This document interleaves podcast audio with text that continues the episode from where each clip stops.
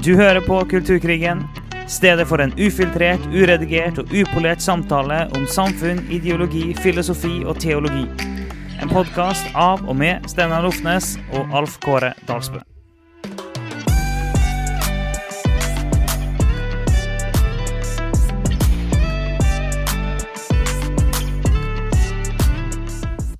Velkommen til eh, din uh, favorittpodkast om alt som er vondt og vanskelig.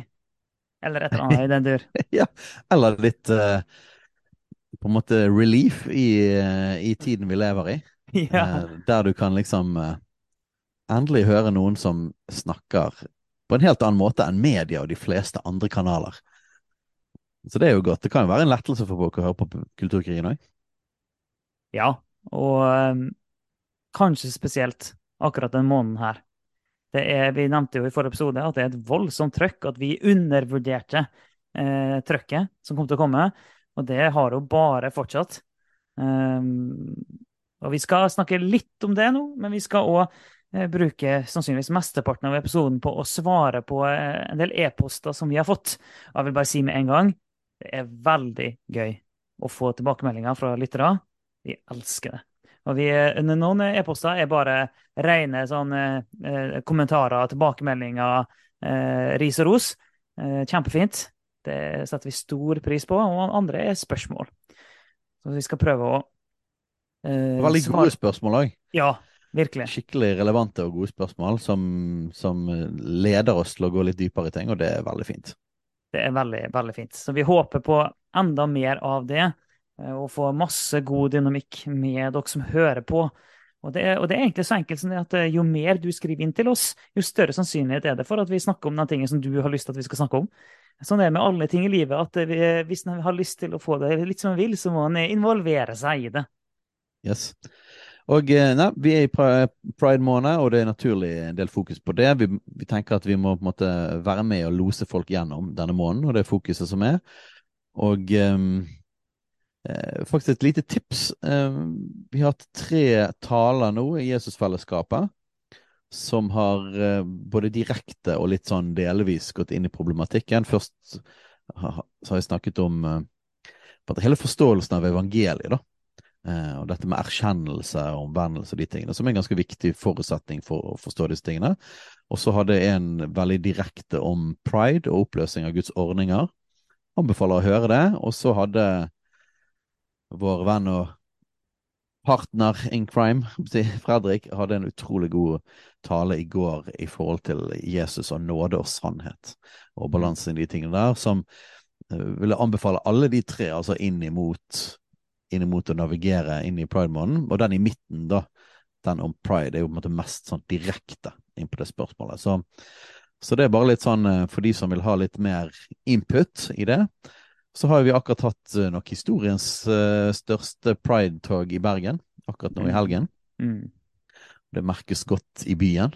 Det øker med flagg og alt sånt for mm. hvert år. Du var der jo på fredagen, var du ikke? Ja, fredag kveld. Så man kunne jo merke det godt i byen. Mm. Så det er ingen tvil om at dette øker jo i styrke ja. for hvert eneste år. Og så var det en sak som vi, vi må prate bitte litt om, eller bare kommentere, da, og det var jo Thon hotellkjeden. Ja, eh, altså i forrige episode så snakka vi jo om Jeg må, må bare eh, ta for en sånn lignende sak. Forrige episode snakka vi om de regnbuefortauene der, eh, der fylkeskommunen sier nei. Og så blir det rabalder, og så tar det no, bare noen timer, så snur de, og så blir det ja til å male i regnbuefarger. Og ikke bare det, men det blir ja til å male før et vedtak er fatta, som egentlig er helt spinnvilt i Norge.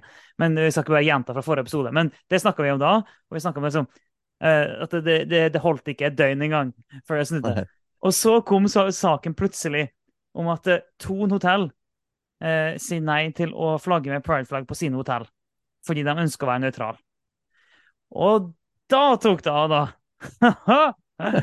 det var et greie, da. Og vi, vi skrev noen meldinger. Og, og, da skrev jeg noe sånn, eh, sånn, Jeg er veldig spent på hvor lang tid det tar før han snur.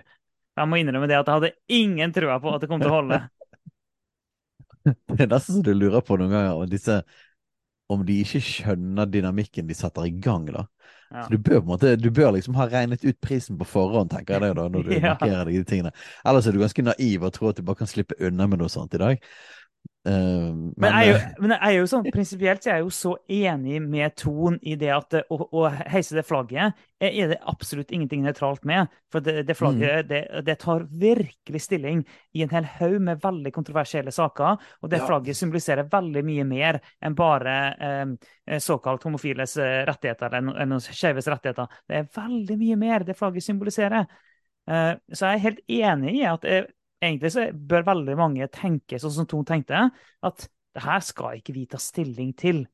Jeg, jeg vil si det, det er helt riktig eh, måte å tenke på, rent prinsipielt, for Ton og veldig mange andre, vil jeg påstå. Så og, de var, Jeg leste i VG om det, så tenkte jeg å, dere er så close her til å liksom eh, si noe bra. For det, de sa liksom noe sånn som at ja, dette flagget representerer ikke nødvendigvis eh, alle, liksom. Eller det er ikke Ja. nødvendigvis eh, fullt mangfold. Og så, og så stiller VGs journalist liksom Ja, men hvem er det da? Hvem er det da som ikke eh, er inkludert på dette? Og så der stoppet de, da. Mm. Så de gikk ikke videre. Mange. Jeg bare sånn, hallo, hallo! Vi kan svare på det! ja, vi kan svare på det. Dere var liksom sånn nesten, for dere har tydeligvis ikke Enten at de ikke hadde mot til det, eller de hadde ikke tenkt nok gjennom Mm. eh, liksom hvordan svare på det. da, For det er et veldig viktig prinsipielt spørsmål. Som jeg tenker sånn åh, nå var det nesten så det kom på agendaen. At dette er ikke inkluderende for alle. Eh, men eh, ja. so close. So far was so close. Og, eh, og så gikk det vel Det gikk en dag. Ja, det gikk en dag. Og så måtte de òg bøye seg. Det er jo, det er jo bare tragikomisk. Du må jo på en måte nesten le eller grine, så vi velger å le. Ja, vi velger å le. Det er det som er enklest. Men eh, det, det er det. Men, eh, men det, det er jo en veldig interessant sak likevel. Eh, For det første, så, som jeg sa, jeg er helt enig i måten han tenkte på. Jeg skulle ønske flere tenkte sånn.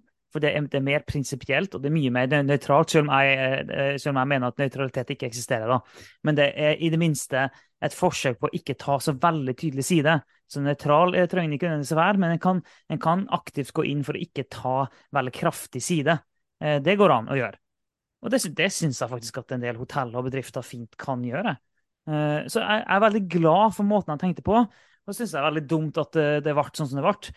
Um, og så er en av grunnene nå da, til at det kanskje gikk litt feil Eller det er ikke hovedgrunnen, hovedgrunnen skal jeg komme til etterpå. Men en av grunnene til at det kanskje gikk litt feil, er jo det at de eh, nekta alle sine hotell å heise flagget. Og da oppleves det mer autoritært med en gang. Og det, så det var mange som hang seg på det at de nekta eh, og, og alle hotell å henge det opp. De kunne sagt at det, det vil vi ikke, eller anbefale. Sånn. De kunne ha gått, eh, gått litt eh, mer mjukt til verks. Det hadde ikke forandra noen ting. Utfallet hadde blitt akkurat samme. Stormen hadde blitt akkurat lik den hadde. Så det, hadde ikke forandra noen ting. Men det er sånne ting jeg har tenkt på eh, i etterkant, at kanskje kunne de gjort det. men Det ville ikke gjort noen forskjell i det store og det hele. Det ville det ikke. Nei, sant. Altså, klimaet sånn nå er det at alt annet enn full støtte Ja. er på en måte uakseptabelt. Um, hadde klimaet vært annerledes, og hadde dette vært for 20 år siden, så tror jeg at det var sånn at egentlig alle bedrifter og hoteller og alt mulig um, nektet å gjøre sånne ting. Akkurat som at det var ulovlig å flagge med prideflagg på en offentlig flaggstang, så var det ulovlig. Altså, det, det er ikke så og, og, og hvorfor jeg si dette på en veldig kort og eh, grei måte, da? Altså, hvorfor kunne man nekte det før? Jo, fordi man kan Man nekter jo selvfølgelig og, og Folk kan ikke bare henge opp uh, et somalisk flagg. Mm. Eh, Folk kan ikke bare henge opp uh, Humanitisk Forbund sin logo uh, offisielt på et hotell. Du kan ikke bare henge opp Røde Kors sin logo engang.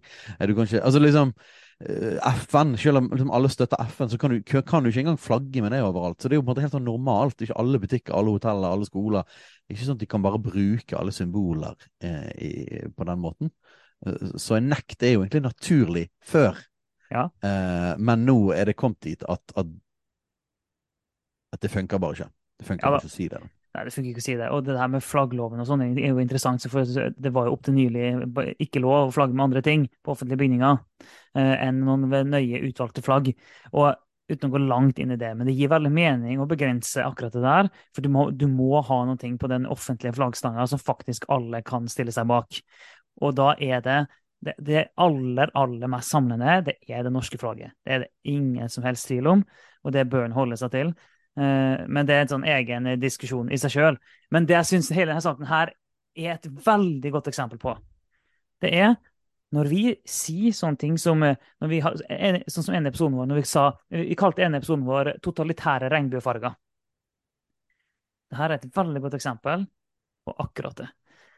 Fordi i det øyeblikket noen velger å ikke aktivt gå inn og promotere og omfavne pride Jeg sier bare at de ikke vil ta del i det. De er ikke imot det, Jeg sier bare at de ikke vil ta del i det. Så i det øyeblikket en ikke vil ta del i det lenger, og være med på festen, da kommer liksom hammeren ned med full kraft. Det er altså tydeligvis ikke lov å ikke være med. Altså ikke engang være imot, men det er ikke engang lov å ikke være med. Da har det her gått ekstremt langt. det, er, det er ulovlig å være såkalt nøytral eller såkalt ja. uh, ikke en del av liksom, diskusjonen, eller måtte, Og igjen, selv om, jeg, selv om, jeg, ikke tror på nøytralitet, for jeg tror hun alltid tar en side, men bare for å bruke det her nå, da, for det er hensynsmessig, det er, ikke, det er visst ikke lov å være nøytral i, i møte med pride. Så, det er totalitært. Det er det. Så det er en av Det er jo totalt forutsigbart nå, men, men det er viktig å løfte opp de konkrete sakene av det som skjer.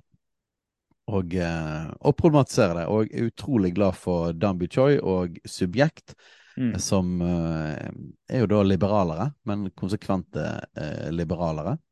Som er mot alt som er, har autoritært En touch av at det er autoritært og, og, og, dominerende og skviser ytringsfrihet og religionsfrihet og sånne ting. Så de står opp frimodig i, i, alle disse sakene, og han gikk ut ganske tydelig òg i den Ton-saken. Og, mm. og i forhold til kanselleringskultur, eh, som òg dette var en del. Det var mange som gikk ut og sa at de ville boikotte. Eh, som nok er grunnen til at, at de snur, sant? for de er redd for at dette går utover økonomien. Mm. Eh, og da ja, da, og, Det ødelegger omdømmet, og da må, du back, da må du backe.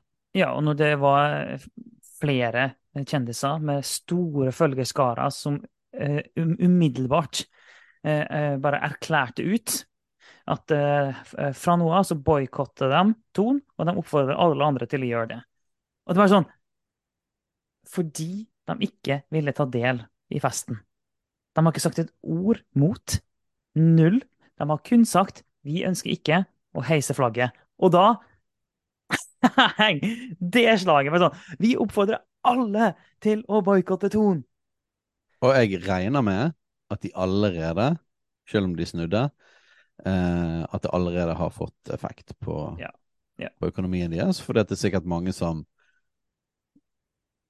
selv om de ikke aktivt uh, oppfordrer alle til å boikotte det nå, så tipper jeg mange bare holder seg unna det nå bare fordi dette var en sak. Ja. Eh, og uh, ja, det kan ha langvarige konsekvenser, det. Det kan ha langvarige konsekvenser. Og, og det, her, det, det, er et veldig godt eksempel på akkurat det her, den dynamikken med at det er, det er totalitært, og det, er ikke lov å ikke være med. Er, så bare å være nøytral er ikke lov, og da, da, sier det seg selv at å være mot er i alle fall ikke lov. Så vi stiller oss jo i skuddlinja sånn sett da, når vi faktisk er imot. Uh, men, uh, og når vi, sånn som i forrige episode, når vi, vi egentlig sier at uh, for de fleste kristne så har en egentlig ikke noe annet valg, så tydelig er vi faktisk på det. At pride, og det pride står for, det det flagget står for, det Foreningen FRI står for, er så langt unna eh, bibelsk eh, virkelighet, så langt unna eh, kristen tenkning at det, eh, som en kristen så er en faktisk nødt til å være imot det. Igjen, ikke fordi vi først og fremst er imot noe, men fordi vi er, er for det som Fri og Pride og flagget deres er imot. Ja, og det var òg interessant, uh, apropos Dan Bujai, i hele den debatten om Thon, så, så sa jo han akkurat det samme som vi sa i forhold til det med pride-flagget, hva det, det egentlig betyr. Ja, han sa det. Det var knallbra. Um, ja, og at det er ikke bare en sånn generell um, generell støtte til homofiles rettigheter, eller generell støtte av kjærligheten, eller sånn som det. Det har en rekke kontroversielle uh, ting i seg. eh, og Foreningen Fri står for en rekke kontroversielle ting.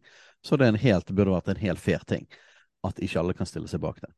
Uh, så ja, nei, vi kan ikke gå for langt inn i det igjen, men uh, vi måtte bare kommentere det. Og uh, det er nok ikke siste, siste sånne ting som skjer i denne måneden. hvis det er noen som tør å Hvis det finnes noen flere igjen og som tør å ikke vise offentlig støtte. Og det finnes jo selvfølgelig massevis av internasjonale saker denne måneden på dette òg, og for så vidt gjennom hele året. Apropos flagg, så så jeg òg en lite videoklipp av at, den, at statsministerens kontor eh, og, og eh, eh, de forskjellige statlige bygningene i Canada eh, ikke hadde canadisk flagg. De har, de har ikke bare hengt pride-flagg i tillegg til det nasjonale flagget, men de har byttet ut med progressivt prideflagg. Så Statsministerens kontor for eksempel, hadde pleier å henge to canadiske flagg på hver side av døren. Og da byttet ut med to progressive prideflagg. liksom, du bytter ut med nasjonalflagget, liksom? Du kunne ikke finne noe Canada-flagg, liksom. Eh, det var bare de flaggene. Det, det var sånn ja, det, det, er kun scener du ser når det er okkupasjon, når du tar vekk flagget. Så ja, skifter det ut med et annet. Så det ikke engang i tillegg. Uh, du, der er du inne på et godt poeng også, Steinar. Symbolikken det der, må vi bare bruke ett minutt på.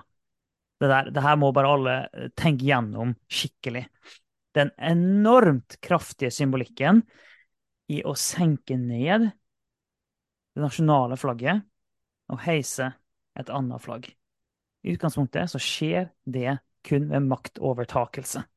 Det skjer ved okkupasjon.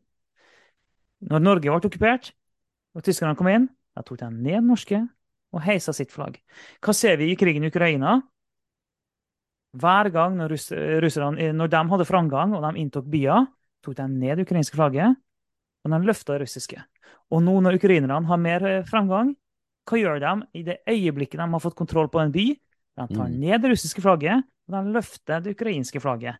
Symbolikken er ekstremt sterk. Vi skal ikke tulle med det. Altså. Vi må forstå hva det er vi faktisk ser rett foran oss. Ja, det, det, det, er helt sant. Det, det, er veldig kraftig symbolikk. Og, og, dette har man ikke engang gjort. Man har ikke gjort det med FN-flagget engang, som har jo da en utrolig brei støtte. Altså, stater og ambassader og statsministerkontor har ikke tatt ned det nasjonale flagget og hengt opp FN-flagget engang. Så Nei. hvordan kan du gjøre det med og Jeg har lyst til å snakke det, om det en annen gang, men jeg syns det er interessant at uh, det progressive pride-flagget fortsatt blir brukt veldig lite i Norge. Mm. Uh, men jeg ser at i engelskspråklig verden så er det kun det som blir brukt nå fra offisielle hold. Uh, så jeg syns jo det er litt morsomt, for det virker jo som at i Norge så er vi fortsatt villige til å undertrykke de minoritetene som da ikke er inkludert i det vanlige regnbueflagget. Ja, ja. så, så langt er ikke vi kommet ennå i Norge. Um, så det er jo liksom et ganske transfobt flagg, egentlig. Det ja. vanlige regnbueflagget. så det, det, du sier at, eh, at, eh, Foreningen Fri i Norge er veldig transfobe, da? det vil si. ja, de er ganske transfobe, de, eller iallfall alle instansene som ikke flagger det flagget. Så, ja, men det, det, er en sak i seg sjøl. Vi, vi, får se. Det kommer vel bare som, som vanlig, så kommer Norge litt diltende etter. så litt etter litt kommer nok det flagget til å ta over. Uten at folk ja, det... har peiling på hva det betyr egentlig engang. Den nye sirkelen i midten av trekanten nei, nei, nei, og de forskjellige svarte og brunfargene. Two Spirit uh, og, og, liksom Ja. Det... Det her, vet du hva, her er det så mye å snakke om, Marka, som vi ikke har tid til nå, for vi må kommentere på sånn. Og jeg har òg en annen ting som jeg har lyst til å kommentere før vi kommer til med på sånn òg. Og det er jo det, den saken som kom her i forrige uke med, med at uh, den gamle vigselsliturgien i Norsk kirke forsvinner mer og mer ut, og den nye tar over. Og Hvis folk ikke vet hva vi snakker om, i 2017 så eh, kom det en ny ekteskapsliturgi som skulle, som skulle være for uh, likekjønna par. Kjønnsnøytrale ekteskap. Ja, kjønns, ja. Vigselsritualet. Ja. ja. Og det er veldig mye å si om det. Jeg kunne hatt en helt egen episode bare på akkurat den saken her. Men for å prøve å gjøre det veldig kort, da, så kunne en jo ikke bruke den gamle, den eh, tradisjonelle liturgien, for den snakka jo mann og kvinne. Og eh, den brukte jo de tradisjonelle bibelske versene på mann og kvinne-ekteskap. Men det kunne den jo ikke bruke. For det finnes jo ingen åpning i Bibelen for likekjønnet ekteskap. Det finnes absolutt null vers å bruke i en sånn liturgi. Derfor måtte de jo lete hardt og lenge for å finne noen eh, fine vers om, eh, om eh, vennskap og likeverd og kjærlighet som ikke, har, som ikke, handler om ekteskapet, som er tatt ut av sin kontekst, og som er putta inn i en liturgi som de skal prøve å få til å passe for likekjønna ekteskap. Og det er den som eh, og siden 2017 så har den vært eh, si, vedtatt da, på lik linje med den gamle liturgien. Ja, Så kan man velge, da. Så ekteparene kan jo velge hva de vil bruke. Ja, ektemann kan velge hva han vil bruke, men så viser det seg da at det er jo prester i Norske kirke som i praksis bare har boikotta den gamle, og mm. ikke engang forteller par om den gamle. Det eneste de gjør, er at de legger fram den nye som det eneste alternativet, uten å fortelle at det finnes andre alternativ. Og så, og så, tar de, så Presten tar egentlig valget på vegne av paret og sier det her er liturgien vår. Hva var det presten sa da? Det stod, Nei, byrdepar de har nok å tenke på. sånt. Jeg skal ikke plage dem med liksom, den, den tingen i tillegg. Bare sånn, OK! Det var en tynn begrunnelse. Det er jo ingen tvil om at dette er en bevisst ting. Og så fortalte de òg at det, eh, var stadig flere som kom og sa det at uh, vi ønsker å bruke den inkluderende. Uh, ja, den, den, den, liturgien som ikke diskriminerer. Og der er det bare sånn vi må aldri godta det premisset der om at den vanlige, den bibelske eh, vigselsliturgien at den diskriminerer på noe som helst vis. Det er rett og slett ikke sant. Det, ikke... Finnes jo, det, Finnes jo, ikke noe bibelvers for et annet ekteskap. Det er jo ikke rett og slett, Vi vil jo ikke anerkjenne den andre som et vigselsritual i det hele tatt. egentlig. Nei, det er jo ikke det. Det er jo ikke det, for det, det er bibelvers tatt ut av sin sammenheng og, prøvd, og, og most inn i litt gud der han prøvde å få det til, å gå opp. Uh, og igjen, her er det så mye å si. Vi har ikke tid til poenget. Grunnen til at jeg nevner det, er at denne artikkelen her kommer samtidig som pride måned og alt det trøkket vi opplever. Så ser vi hvordan ting måtte spise seg innover da, i institusjoner, i liturgier osv. Ja. Uh, og det som kommer til å skje, bare for å si det, og dette er basert på all erfaring de siste ti årene på hvordan disse prosessene fungerer det, Først kjemper du deg til å få en aksept for en ny mm. kontroversiell ting. Ja. Uh, så kommer den på lik linje etter hvert blir den mer og mer dominerende, og så blir den gamle ulovlig. Ja. Eh, og det kommer til å skje denne gangen. Det er bare spørsmål om tid. Den, den klassiske vigselsritualet kommer på et eller annet tidspunkt til å bli ulovlig. Sånn som det nå er ulovlig å være eh, kvinneprestmotstander. Det var jo akkurat den samme ja. prosessen. Mm. Eh, det var en samvittighetsfrihet først i mange mange år, så kommer det til et punkt Nei, nå er det ikke det lenger. Ja. Nå er den gamle skjøvet ut. Ja, og det kommer til å skje med den gamle liturgien òg. Uh, det, det, er helt sikkert. Um, og da bør folk Ja, men det, vi får snakke om det en gang, men da bør folk gifte seg borgerlig, og så har man en skikkelig, et skikkelig vigsel, vigselsritualet. Ja. Eh, der man gjør alt sammen etter Guds ord, eh, helt uavhengig av den statlige. Ja, det, det, får meg til å tenke at faktisk så Kanskje skal vi ha en episode som er litt sånn retta inn mot alle som har lyst til å gifte seg, og fortelle sånn hvor spør, du faktisk gå fram eh, for å gjøre det her på en måte som faktisk er i tråd med Bibelen. da. Eh, med å ha, ha en, en, riktig liturgi, f.eks. Nei, men det, det, det, det mye Vi frasa oss vekselsretten, faktisk. Så ja. vi som er pastorer eh, i vår menighet, vi står ikke lenger under, uh, under dette, denne loven. Vi, eh, vi, sender folk til å vie seg eh, på tinghuset, mm. og så har vi en full greie med bibelske rammer ja. eh, på, på, selve vielsen. Ja, og det gjorde, det gjorde jeg når jeg gifta meg òg, med Ellen. Vi dro på tinghuset en uke før bryllupet og bare ordna papirene sånn at vi eh, eh, ifølge norske lov er gift. Men vi anerkjente ikke det som eh, et bryllup, så vi levde jo ikke så mye gifta. og så hadde vi eh, bryllupet vårt en uke etterpå med full, med full vigsel og seremoni og full pakke. Og det var først da vi, vi anså oss som gift. Så det, det, en pakt andre, med hverandre og en pakt ja. med Gud. Ja. Så ja, nå gikk vi Det er alltid vanskelig å snakke godt om det, men, det, men, det, men det, den der, Jeg kjenner den der er moden. Altså. Der er det mye, mye greier. og, og vi, vi, må snakke litt sånn hvordan skal, vi, hvordan skal, vi, tenke om det her som kristne? Hvordan skal vi håndtere det? At det, det kommer inn på alle fronter. Eh, inn i liturgien, inn i Den norske kirke, inn i alt det vi driver på med. Eh, og det trykker på. Men ja. At, jeg, jeg gikk over vi... mitt første regnbuegangfelt i går, forresten. Nei, det ja. var på lørdag. Ja, du gjorde lørdag det. Kveld. Ja. ja. det, det, er en milepæl i livet, det. Selv om jeg så en, eh, jeg så en videosnutt av noen som Det var sånn regnbuetrapper Uh, Ja, annet ja. Og så ved siden av der var det sånne skikkelig Det var ikke trapper, men det var sånn det gikk an å komme seg oppover. Han, han klatret opp på side, sånn, og, siden og, av det, trappene. det var liksom en meter for hvert trinn opp. Og så valgte han å gå der istedenfor. Istedenfor å gå på regnbuetrappene. Det var litt morsomt. det var det. Ja. Å nei, ok. Nei, det er mye snakk om. Men eh, la oss kaste oss inn i eh, Ja, vi, vi, vi må det. For jeg, jeg, jeg merker at det, her, det var veldig mye vi må snakke om der. Men uh, nå har jeg glemt å spørre deg. fikk du forresten ekstra tid? Uh, ja, jeg, jeg fikk ekstra tid. Litt. Litt sånn okay. knapt. Det var okay. sånn okay. Vi kan klare det, så, så um, Ok, det, betyr at vi må, vi må komme oss i gang. Vi må Eh, eh, trykke på gasspedalen, og så, og så hvis vi ikke blir ferdig, så har vi litt ekstra tid. OK. ok. Det, det, Hvis vi kan sikte på, sikte på en halvtime fra nå av.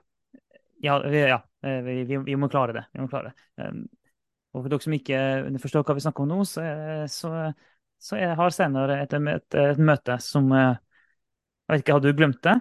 Det skjer jo jevnlig at, eh, at du av og til glemmer sånne ting.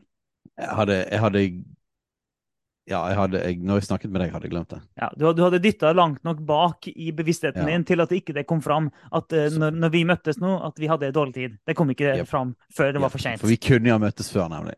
Vi kunne møttes før, og vi kunne kommet raskere i gang med Ja. opptaket istedenfor å drøse litt om andre ting, sånn som vi ofte gjør. Så uh, Nå fikk jeg lyst til å snakke om hvorfor det var sein, da. Det hadde med sånn skattegreier å gjøre. Jeg måtte sitte og regne. Men eh, Ja, ja. det, det, det, det kan vi ikke snakke om. La oss hoppe inn okay, i disse okay. herlige mailene vi har fått. Ja, vi skal det. Um, det er fire Skal vi se Vi, vi, får nesten bare ta dem litt sånn uh, Vi tar de én og én, da. Så, så I tilfelle vi ikke klarer å komme gjennom alle, så kan vi jo spare de til senere episoder. Ja, vi, vi får ta det én og én.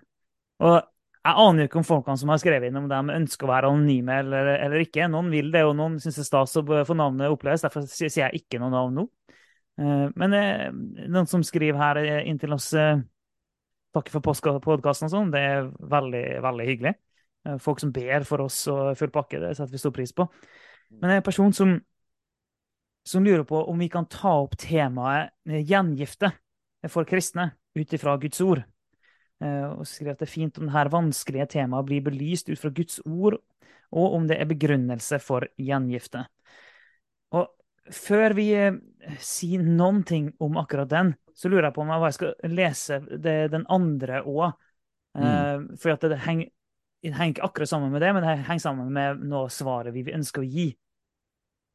Men For en annen person også som har skrevet inn til oss, som må takke for podkasten. Det er veldig hyggelig, uh, det som skrives der. Og så skriver personen at, uh, at eh, jobber som lærer og skal få en ja, Nå vet jeg ikke om jeg har tid til å ta den. Eh, Jeg kan lese spørsmålet. For akkurat Det spørsmålet, det første det er den jeg eh, lurer på om vi kanskje ikke har tid til i dag, men jeg leser den likevel. Eh, Så får vi ta, muligens ta akkurat den senere. Men den krever muligens litt tid.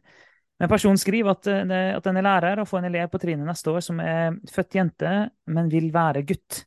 Jeg vet ikke ennå hvor mye jeg kommer til å ha å gjøre med denne eleven, men jeg er litt usikker på hva som er rett med tanke på bruk av navn, pronomen osv. Jeg vil jo ikke gjøre ting vanskelig for denne sårbare eleven, og samtidig vil jeg ikke gå på kompromiss med min egen tro og overbevisning om skaperordningen og biologien.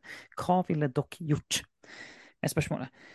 Og I tillegg så, så skriver personen, eh, i tillegg tenker jeg noen ganger på det at vi tydelig står for ekteskapet mellom én mann og én kvinne, og andre ting som Bibelen taler tydelig om, men så er det andre temaer som vi gjør annerledes enn hva Bibelen beskriver. Som for eksempel å la kvinner tale i menigheten, at kvinner ikke trenger å dekke hodet, osv. Hvordan skiller dere mellom hva som er kulturelt og ikke relevant for vår tid, og hva som er universelt og Guds ordning til alle tider? Så den siste der, den er eh, ja, knallbra spørsmål. Mm. Men eh, la oss bare svare ut den der to e-postene først, da. Vi kan jo først eh, vi kan jo bare si det at eh, vi har fått flere e-poster der folk spør om akkurat det her temaet gjengifte. Eh, Det er det. Så det, er tydelig at det er flere som syns det er et vanskelig spørsmål, og, og ønsker å høre hvordan vi navigerer i det spørsmålet der. Vi skal ikke gå langt inn i akkurat den nå. Det, det, det skal vi ikke. Eh, for vi har slett ikke tid til å gjøre det skikkelig akkurat nå. Så det, det må vente. Men vi, vi, anerkjenner at vi har fått flere om det, og vi, vi skal berøre det på, på, på, en eller annen måte på sikt. Eh, det skal vi. Ja, og vi kan jo si det, det korte svaret på det er jo Vi var innom det når vi snakket om vranglære. Vi hadde flere episoder på det. Det er hvor går grensen i forhold til det vi kaller vranglære, og hva er på en måte, teologiske spørsmål som man kan være uenige om, men man gjensidig anerkjenner hverandre som si, bibeltroende kristne, vi, eller vi tror på det samme evangeliet. Og det må være en grense der et eller annet sted. Eh, det må være en ytre grense, for hvis ikke kan du si at islam er kristendom, og buddhisme er kristendom, og ateisme er også kristendom. på en måte, så, så, det må jo på en måte være visse grenser for hva er faktisk kristen tro. Det tror jeg alle er enig i. Eh, og på samme måte som så tror jeg de fleste òg anerkjenner det at eh, det er ikke nødvendigvis sånn at grensen går med absolutt alle spørsmål og alle detaljer. Eh, så det finnes masse spørsmål som går liksom innenfor teologien og innenfor på en måte uenigheter i forskjellige sammenhenger og, og retninger, som vi ikke berører i denne podkasten, fordi at vi Når vi snakker om kulturkrigen, så er det på en måte skjæringspunktet mellom det som utviklingen vi har i samfunnet, eh, og hva påvirkning det òg har inn i menigheten. Sånn at eh, det som på en måte både er trykk på i samfunnet og sniker seg inn i på en måte teologien. på en eller annen måte. Så Det er på en måte det skjæringspunktet vi prøver å bevege oss. Så Vi går f.eks. ikke inn i teologien rundt tungetale eller eh, rundt uh, dåpen eller, eller uh, embetsspørsmål og lederskap. Altså, det finnes massevis av spørsmål som man kunne gått inn i. Da hadde vi vært mer en teologipodkast. Så, så vi ligger og det hadde vært veldig gøy, det òg, da. Det Absolutt. Gøy, og det er jo ting som vi er opptatt av, og som, ja, ja. og som vi har meninger om, og sånn som det. Um, men vi ønsker å ha en veldig sånn en, en, respektfull tone overfor at her kan det finnes masse forskjellig teologi på de spørsmålene, men vi står sammen om evangeliet. Og i det å stå sammen om evangeliet, eh, så er det utrolig viktig med en enhet. Altså Innenfor den rammen der vi setter på en måte grensen til skal, Utenfor dette så er ikke det evangeliet. Utenfor dette så er det faktisk vranglære, farlig lære. Eh, så det, og Da må vi sette skille og si at vet disse kan vi faktisk ikke ha fellesskap lenger. Vi vil ikke engang kalle de kristne. eh, men innenfor den grensen så er det derimot veldig viktig at vi har stor raushet og enhet. Eh, og så hele spørsmålet her da, er hvor går den grensen mellom ranglere eh, og ikke? Når er det et frelsesspørsmål? Når er det et spørsmål om, om evangeliet? Eh, veldig mange eh, regner med, inklusiv de som stiller spørsmålet rundt hva tenker vi om eh, skilsmisse jeg regner med at de òg vil være enig i at f.eks. for eksempel hva du tenker om tungetale eller gaven til å profetere ikke nødvendigvis er en ting som skiller deg skiller ikke å være kristen eller ikke kristen. Mm. Eh, men at det er på en måte et spørsmål innenfor. Eh, et såkalt adiafora-spørsmål. Mm. Altså ikke sentral teologi, men litt mer i randsonen. Um, og så er jo spørsmålet er skilsmisse gjengifte et sånt spørsmål eller ikke. Uh, og jeg vil si at det, det spørsmålet, det, det vipper på kanten. da. Mm. Eh, alt etter hvor du lander i det spørsmålet. Ja. Eh, for hvis du lander tydelig og klart, som det er veldig gode grunner for, med tanke på det Jesus sa om skilsmisse gjengifte, hvis du lander tydelig på at om du er skilt og er gift igjen, så lever du i hor, altså du lever i utroskap, ergo lever i synd, da er du ikke frelst. Eh, og dermed er utenfor utenfor frelsen, eh, så er det jo helt klart at da, da må man tenke at det er et frelsesspørsmål. Og så er jo spørsmålet er det mulig eh, å mene at du kan ha giftet deg på nytt, og at det ikke er nødvendigvis er å leve i synd. Mm. Finnes det et rom for det? Eh, eller er det uansett å leve i synd? Det er egentlig det store spørsmålet, som vil skille da på om, du, om de kommer innenfor på en måte forskjellige syn innenfor evangeliet, eller om det kommer mm. utenfor og det er på en måte vranglære og det er et frelsesspørsmål. Ja, og uten å gå langt inn i det nå, for det har vi ikke tid til nå, vi har lyst til å gjøre det litt skikkelig, eh, så, eh, så har du i alle fall eh, lagt opp premissene for en sånn type samtale og forklart litt sånn overordna hvordan vi tenker om det, og, og for så vidt generelt hvordan vi tenker. eh, om spørsmål. Og, og, vi, vi, og, det er, og akkurat det med, med, ekteskap er jo relevant i denne podkasten her òg, for, for, ekteskapet blir jo eh, uthula, og det blir jo eh, eh, Hva skal jeg si omdefinert i vår tid. Så det å ha et klart bilde for oss hva er et bibelsk ekteskap, det er nødvendig. Ja, og, ja, og hva er rammen for det, og hva sier Bibelen om skilsmisse? Ja, og, og, sånn sett og ja da, og, og, det er akkurat det, sånn at Skal vi ha klart for oss hva det er et bibelsk ekteskap, så er vi nødt til å berøre det med skilsmisse gjengifte òg. Eh, det, det, må vi. Og det er klart det at, eh, at skilsmisseeksplosjonen var jo òg en konsekvens av den seksuelle revolusjonen og feminismen. Ja. Eh, så, så, sånn sett så er det helt klart en del av den samme bølgen. Mm. Så da er jo bare spørsmålet teologisk eh, finnes det argumenter for å kunne si at det ikke er et frelsesspørsmål som står tydelig og klart på Bibelen, eller gjør det ikke det? Ja. Eh, og, så det er der man da må skille. Eh, når, om, når vi, vi, snakker om på en måte er for homofil praksis, er det et sånt spørsmål? Så begrunner vi det ut fra at Bibelen er veldig klokkeklar mange ganger og fra begynnelse til slutt gjennom hele Bibelen. Eh, og så er det andre da, type spørsmål som akkurat som dette. Som er veldig spennende å gå inn i. Men som sagt, vi skal gå dypere inn i det. Eh, og dette berører jo noe av det andre, den, en av de andre spørsmålene som kommer da, i forhold til andre typer bibelsk praksis, som eksempel kan kvinner tale i menigheten og sånne type ting. Uh, ja, Det er det òg andre som har, har, spurt om om vi kan adressere akkurat det her, det med uh, kvinnelige forkynnere. Altså. Ja. Det er flere som har vi, spurt om det. Vi, vi, kan bare si det sånn at vi tar disse eh, spørsmålene i, på alvor, i høyeste grad på alvor. Så det er ikke noe som vi bare dukker unna, og vi er supertydelige på det vi er tydelige på, og så er vi bare superutydelige på de andre tingene. Nei, det er vi ikke. Internt så, veldig, så jobber vi veldig med disse tingene her. Eh, om, om uh, mann og kvinnes rolle i menigheter, forskjellige typer ting. Og vi har òg jobbet med justering i strukturen vår nettopp pga. disse spørsmålene her. Mm. Uh, så det er viktig for oss. Men, men, vi er usikre likevel på om det alle de spørsmålene kommer innenfor Kulturkrigen-podkasten Mandatet. da. Uh, ja. Så det er litt sånn i skjæringspunktet. Um, og en del av de spørsmålene vil jeg si at helt klart er ikke frelsesspørsmål. Mm. Um, jeg tror skal, det skal være litt vans det skal være vanskelig tror jeg å argumentere for at om en Hvis du mener at det er galt at en kvinne f.eks. For forkynner eh, på en menighetssamling, eh, så skal det litt til likevel å si det at det at man gjorde det, gjør at lederskapet lever i synd fordi man tillot det, og at den personen som gjorde det, lever i synd, og at dermed hele menigheten praktiserer vranglære og et falskt evangelium, og dermed er skilt fra Kristus. Mm. Eh, det uh, har jeg til gode å møte i alle fall noen som mener at det er et så sentralt spørsmål.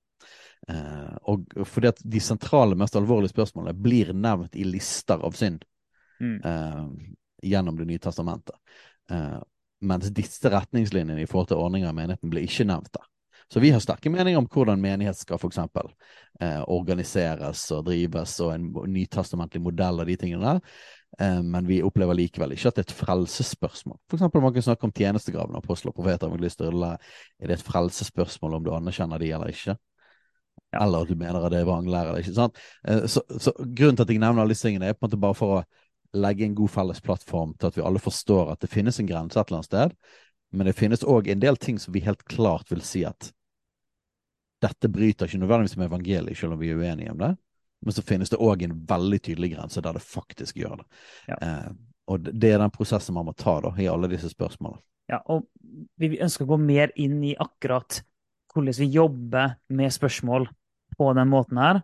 Eh, og, og, sammen med det her spørsmålet om at hvordan skiller vi mellom hva som er kulturelt og ikke relevant, og hva som er universelt og gudståelig til alle tider. Hva er tidløst, hva er tidsbegrensa? Hvordan skiller vi eh, mellom det? Og, og det, så, å snakke om det og det du nå snakker om, evangeliet, frelsesspørsmålet. Hva er frelsesspørsmålet? Hvordan vi navigerer der, hvordan vi kjemper med spørsmål med dem, eh, ut fra de premissene, det, det, trenger vi rett og slett en helt egen episode for å få lagt fram på, eh, på en god nok måte. Så det, mer enn det tenker jeg at vi ikke vil si ja. akkurat nå. Nei, men det er kjempebra. Og eh, hvorfor er dette viktig? Hvorfor er disse spørsmålene så viktige? Det er fordi at hvis vi skal kunne være tydelige på noen ting, så må vi ha klare tanker om dette. Eh, hvis ikke kan man på en måte er alt relativt. Eh, Ja. Hvis vi bare sier at alt er syn, eh, så kan vi ikke være tydelige på noe som helst. Men hvis vi er tydelige på noe, så må vi ha veldig tydelige, klare tanker om hvorfor. Så yes. Ja. Så to be continued på det spørsmålet der, men vi vil bare anerkjenne de siden det har kommet mange, mange mailer inn på, eh, i det farvannet der, så vil jeg eh, si at yes, vi skal, vi skal ta dette opp enda mer og snakke mer om det. Ja. Og så vil jeg, Vi kan ikke bruke mye tid på det, men jeg, jeg vil bare si noe om det her med læreren som lurer på det med pronomen. Vi har noen andre episoder vi, vi må svare på. Men jeg er litt redd for at hvis ikke vi sier noe om det nå, så glemmer vi det helt. Og det har jeg Ja. ikke lyst til heller. Eh, Så spørsmålet fra en lærer som kanskje vil få en elev inn eh, som eh, eh, er trans, eh, og um, hvordan skal læreren da tiltale personen? Altså en jente som ønsker å være gutt. Hvordan skal læreren gå fram for å tiltale den personen der? Eh, Og så er det en annen diskusjon i forhold til hvordan skal en lærer håndtere det hvis eh, læreren blir påtvunget å bruke pronomen og sånt. Det blir en egen diskusjon. Vi tar ikke den akkurat nå. Og her er det jo, sånn som jeg ser det, ut ifra en eh, Hvis man skal prøve å tenke kristent og bibelsk om det her, så er det to hovedspor i det spørsmålet her. En, eh, der gode kristne havner som regel på ett av her to eh, stedene. Det ene det går med på det relasjonelle. Det er den som sier jeg vil bevare relasjonen til personen. Og jeg vil strekke meg veldig veldig langt for å beholde en relasjon. Og Litt som Paulus, at han blir eh, jøde for jøde og greker for greker. Og jeg vil gjøre det som er nødvendig for å kunne nå inn til en person her. Det vil jeg gjøre, om det så er å, eh, bruke et pronomen som ikke stemmer overens med biologien. Det er det ene standpunktet som en del tar, som jeg har respekt for. Eh, Og det andre standpunktet det er gjerne den som sier det at jeg kan ikke bruke et pronomen på en person som strider imot biologien, for da taler jeg ut noe som er rett og slett imot Guds skaperordning. Eh, Og en, og en opplever det En løgn, rett og slett. ja, det er akkurat det jeg skulle si. En opplever at det er løgn. En opplever at en taler løgn over personen ved å bruke et pronomen som ikke stemmer overens med måten Gud har skapt personen. Eh, og derfor eh, oppleves det helt, helt feil å bruke det pronomenet. Det er veldig kort forklart, så er det som regel et av de to stedene en lander i sånne typer spørsmål. Og begge, og den og begge måte, standpunkt er det gode, gode kristne som lander på. Og, og jeg tenker at egentlig bør man ha begge de verdiene in, si, i miksen, nesten uansett hva man gjør. Ja. Altså det bør, det bør være en tanke om hvordan møte mennesket. Mm. Hvordan møte mennesket med, med kjærlighet. Eh, måten man kommuniserer på, måten man går inn i hele greia, måten man tar prosessen på, bør være Som en kristen så må det være gjennomsyret av kjærlighet og omtanke for dette mennesket. Uh, og uh, både, at jo, noen gjør noe galt, gir ikke oss fritak for å behandle mennesker på en god måte. Eh, det er en veldig tydelig kristen verdi, og det, og det ser vi i Jesu liv. Eh, og så bør den andre ingrediensen være der òg. At det finnes grenser. Det må finnes en eller annen grense for hva vi kan, kan gjøre. Hvis det er sånn at vi, det er fryktdrevet, for her, her må vi skille. Mm. Frykt for reaksjonen, spesielt reaksjonen til de andre, men til og med kanskje foreldrene til personen eller den personen sjøl. Mm. Mens at frykt for reaksjon, menneskefrykt, eh, i forhold til hva som er omsorg for personen. Noen ganger, eh, hvis det er frykt for de andre, så er egentlig den eneste omsorgen vi har, er omsorg for seg sjøl. Ja. Eh, og det er ingen kristenverdi i det hele tatt. Der er jo Bibelen klokkeklar andre veien enn at, eh, at uh, vi må heller lide ondt, og, og reell kjærlighet vil, eh, vil være å faktisk sette grenser for andre folk, og så får heller vi lide eh, for det.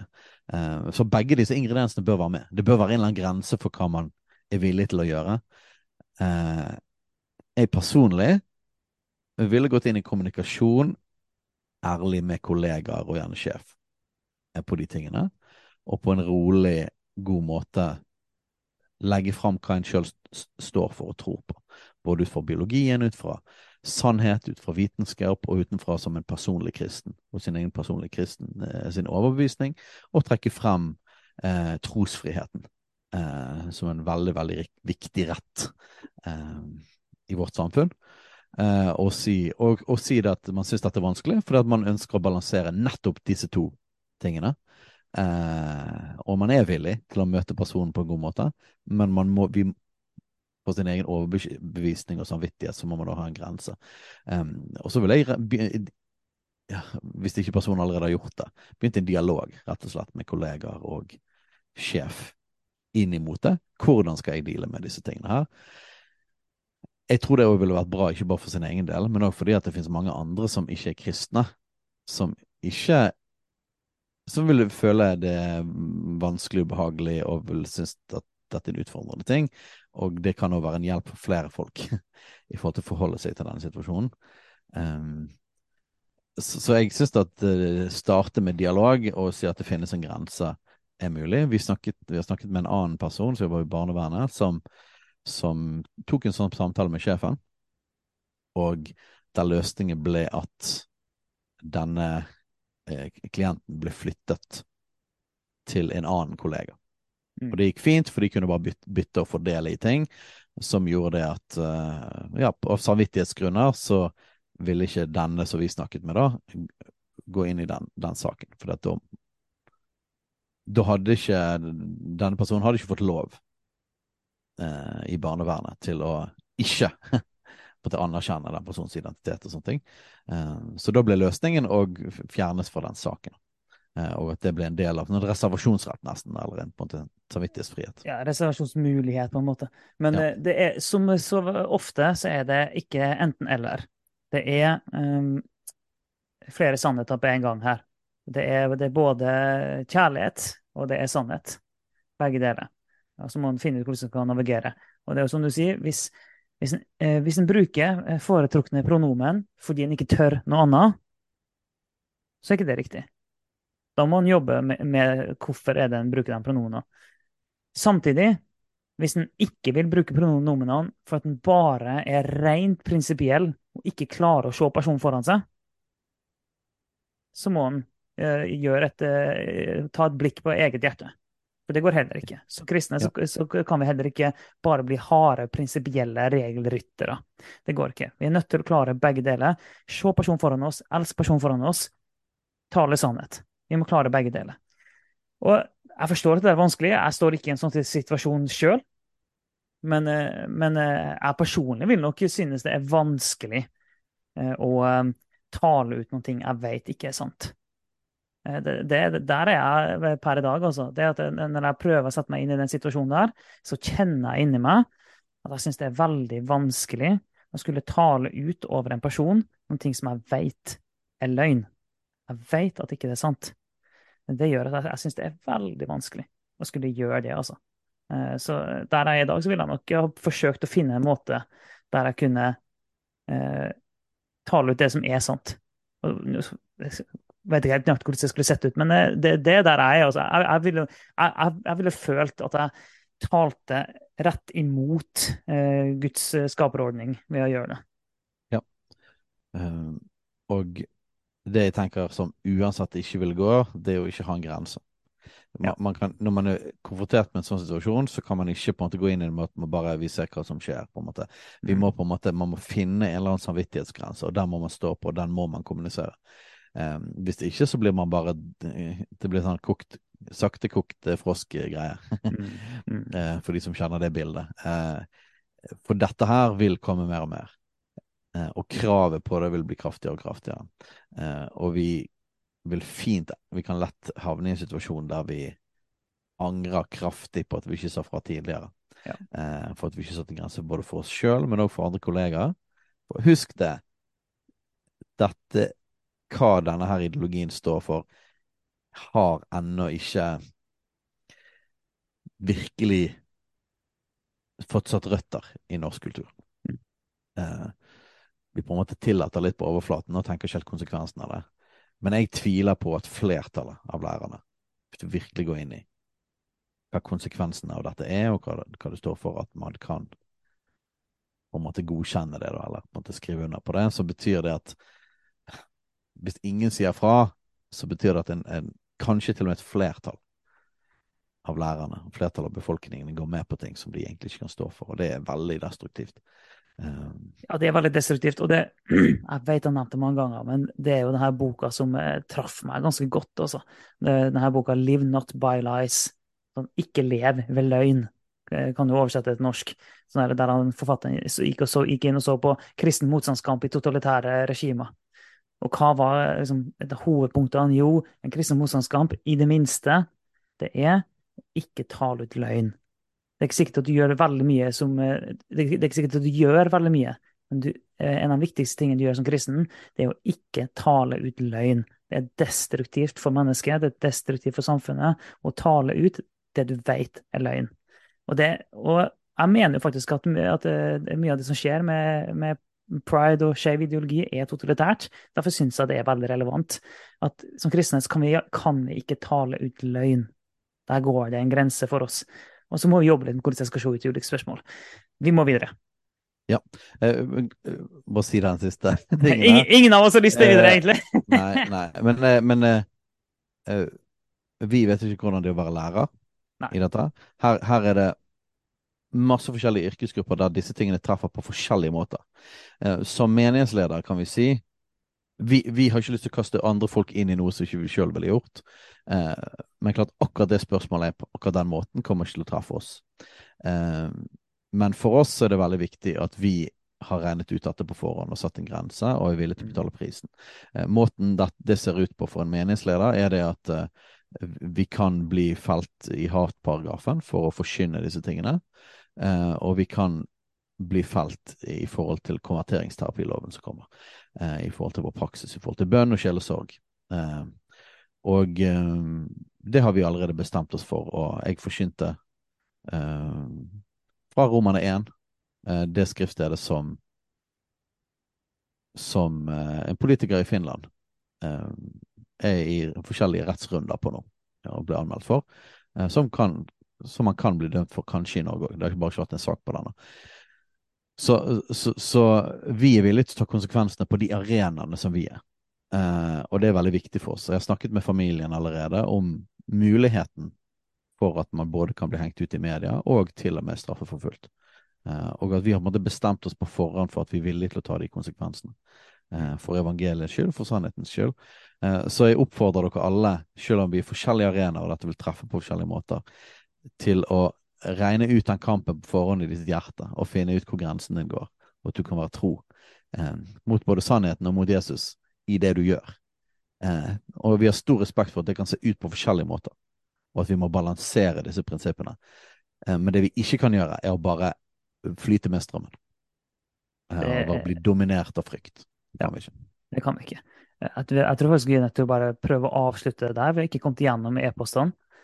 Det, men eh, det gjør ingenting, for vi, vi, skal fortsette lenge, vi. Så vi, vi kan ta det i eh, senere episoder òg. Men jeg eh, vil bare nevne at sånn det kom inn en som har hørt på oss, som kommenterte det med at vi, vi snakka om at, at, folk må få leve som de vil.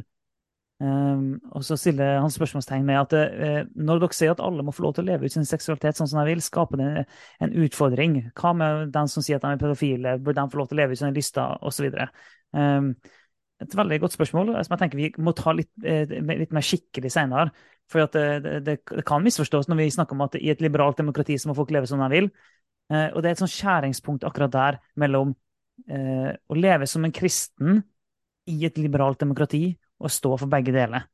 Og der er et skjæringspunkt. Hvordan rammer vi det inn? Hva mener vi? og sånne ting? For vi mener jo ikke at det er greit å gjøre alt og folk bare må få leve som de vil.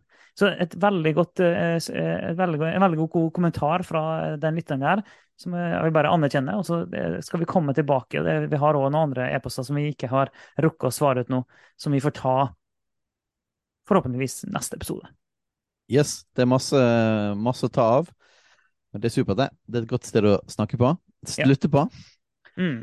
Så eh, ja, følg oss videre i kulturkrigen det blir eh, nok av spennende ting å, å gå inn i, og eh, i den kampen vi fortsatt står i yes. her i Norge. Ja. Så høres vi neste uke.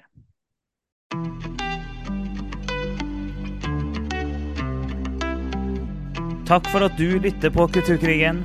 Om du har tilbakemeldinger, spørsmål, hva som helst egentlig, send inn til post-kulturkrigen.no eller på sosiale medier.